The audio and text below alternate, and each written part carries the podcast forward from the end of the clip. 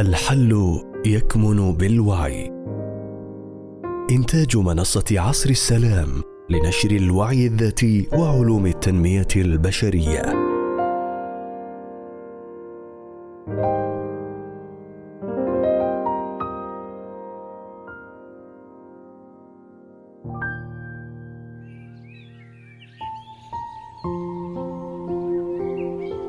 ماذا تريد؟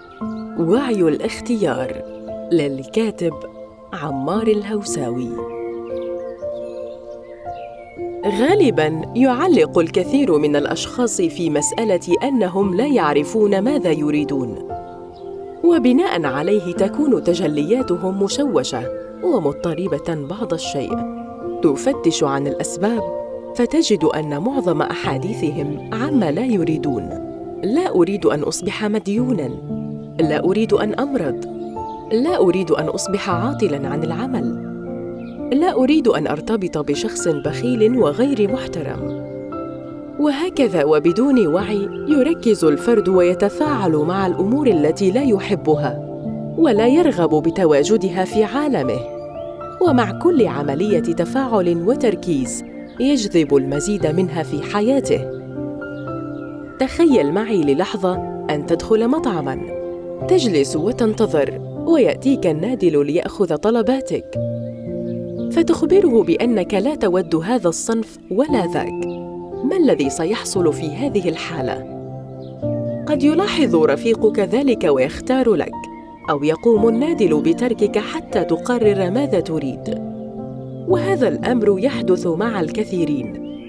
ممن لا يعرفون ماذا يريدون. ونتيجة لعدم الاختيار تتجلى لهم أمور لم تكن باختيارهم لكنها بنفس مستوى ذبذباتهم. والتجلي هنا يهمه أمران. ذبذباتك والصورة التي ترغب بها. إن كنت لا تعرف الطبق الذي ستطلبه وذبذبيا منزعج من بقية الأطباق فغالبا سيحدث أمر يتوافق مع مستوى ذبذباتك. لكن في الحياة والتجربة الأرضية يتم تعويض غياب الصورة التي تريدها. بالصورة التي لا تريدها وتواءمت معها ذبذبيا. كذلك قد يركز بعض الأشخاص في يومهم على تمني عدم حدوث بعض الأحداث السيئة. كأن لا يقابل اشخاصا لا يرغبون برؤيتهم. وبهذا الفعل يرسم الشخص الصورة التي سينسجم معها خلال يومه. ومن خلال هذا التصور يفتح لنفسه احتمال تجليها في حياته ومع استشعاره للمشاعر التي تتوافق مع تصوراته يجذبها ومع تكثف استشعاره للشعور واندماجه معه تتجلى له في حياته. الجذب مستمر لا يتوقف طالما أنك على قيد الحياة وتخوض هذه التجربة الأرضية.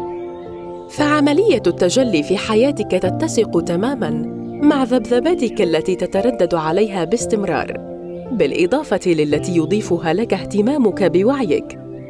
أنك تنتبه إلى ذبذباتك وتعتني بها وتعي تماما ما هي الأمور المنخفضة بداخلك وتحررها باستمرار.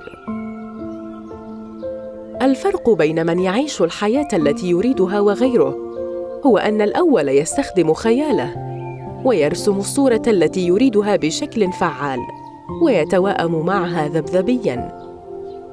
كل صورة تتناسب تماما مع وضعه ومرحلته الحالية حتى وإن وجدت الفوارق فهي ليست كبيرة وغرضها يكون للتوسع وتحسين جودة الحياة أكثر وأكثر بكل اتزان. كيف تتجلى الأهداف؟ الأمر يعتمد على مستوى ذبذبات الهدف ومستواك أنت ذبذبيا غالب الوقت.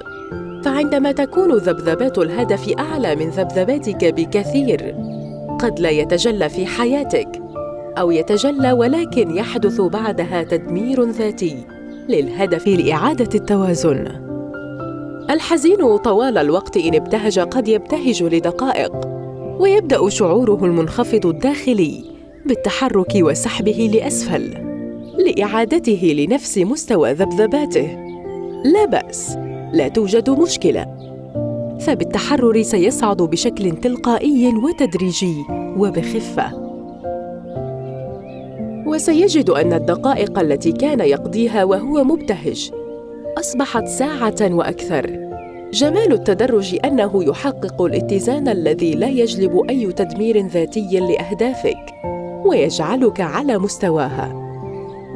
الحياة واسعة وكبيرة وكل شيء متوفر فيها. فقط نحن بحاجة إلى أن نعرف ماذا نريد حقا. بدلا من الإعلان المستمر عن قائمة الأمور التي لا ترغب بتواجدها في حياتنا. الأزياء الموجودة بالسوق حاليا لا تناسبك لا بأس. أنت ماذا تريد؟ ما شكل الزي الذي تود أن تلبسه؟ ما هي ألوانه وتفاصيله ونوع القماش والمصمم؟ وكل شيء متعلق به. أنت تمتلك القدرة والإرادة لرسم كل شيء ترغب بوجوده في حياتك. ومن خلال عمل جلسات متكررة كهذه وتجلي ما ترغب به من خلال تحديد ووصف ما تريده. ستجد بأنك كنت تهدر أوقاتا بالاستياء والانشغال بما لا تريد. السوق كما الحياة مليء بالخيارات التي تناسبك وتناسب غيرك. تفضيلاتنا مختلفة وكذلك هي أهدافنا. فمنا من يرغب ببيت مطل على الشاطئ. ومنا من يرغب ببيت داخل مزرعة. ومنا من يرغب بمنزل متنقل يقضي فيه رحلاته. كل شيء موجود ومتوفر. فقط علينا أن ننقل الطاقة التي كنا نهدرها فيما لا نريد ونوجهها لما نريد. وتذكر بأن معرفتك للأمور التي تريد وجودها في عالمك ينقلك لمسار حياة يتواجد فيه كل ما تريده. بتخيله واستشعاره بداخلك مع نية صادقة وتماهيك مع سريان الحياة.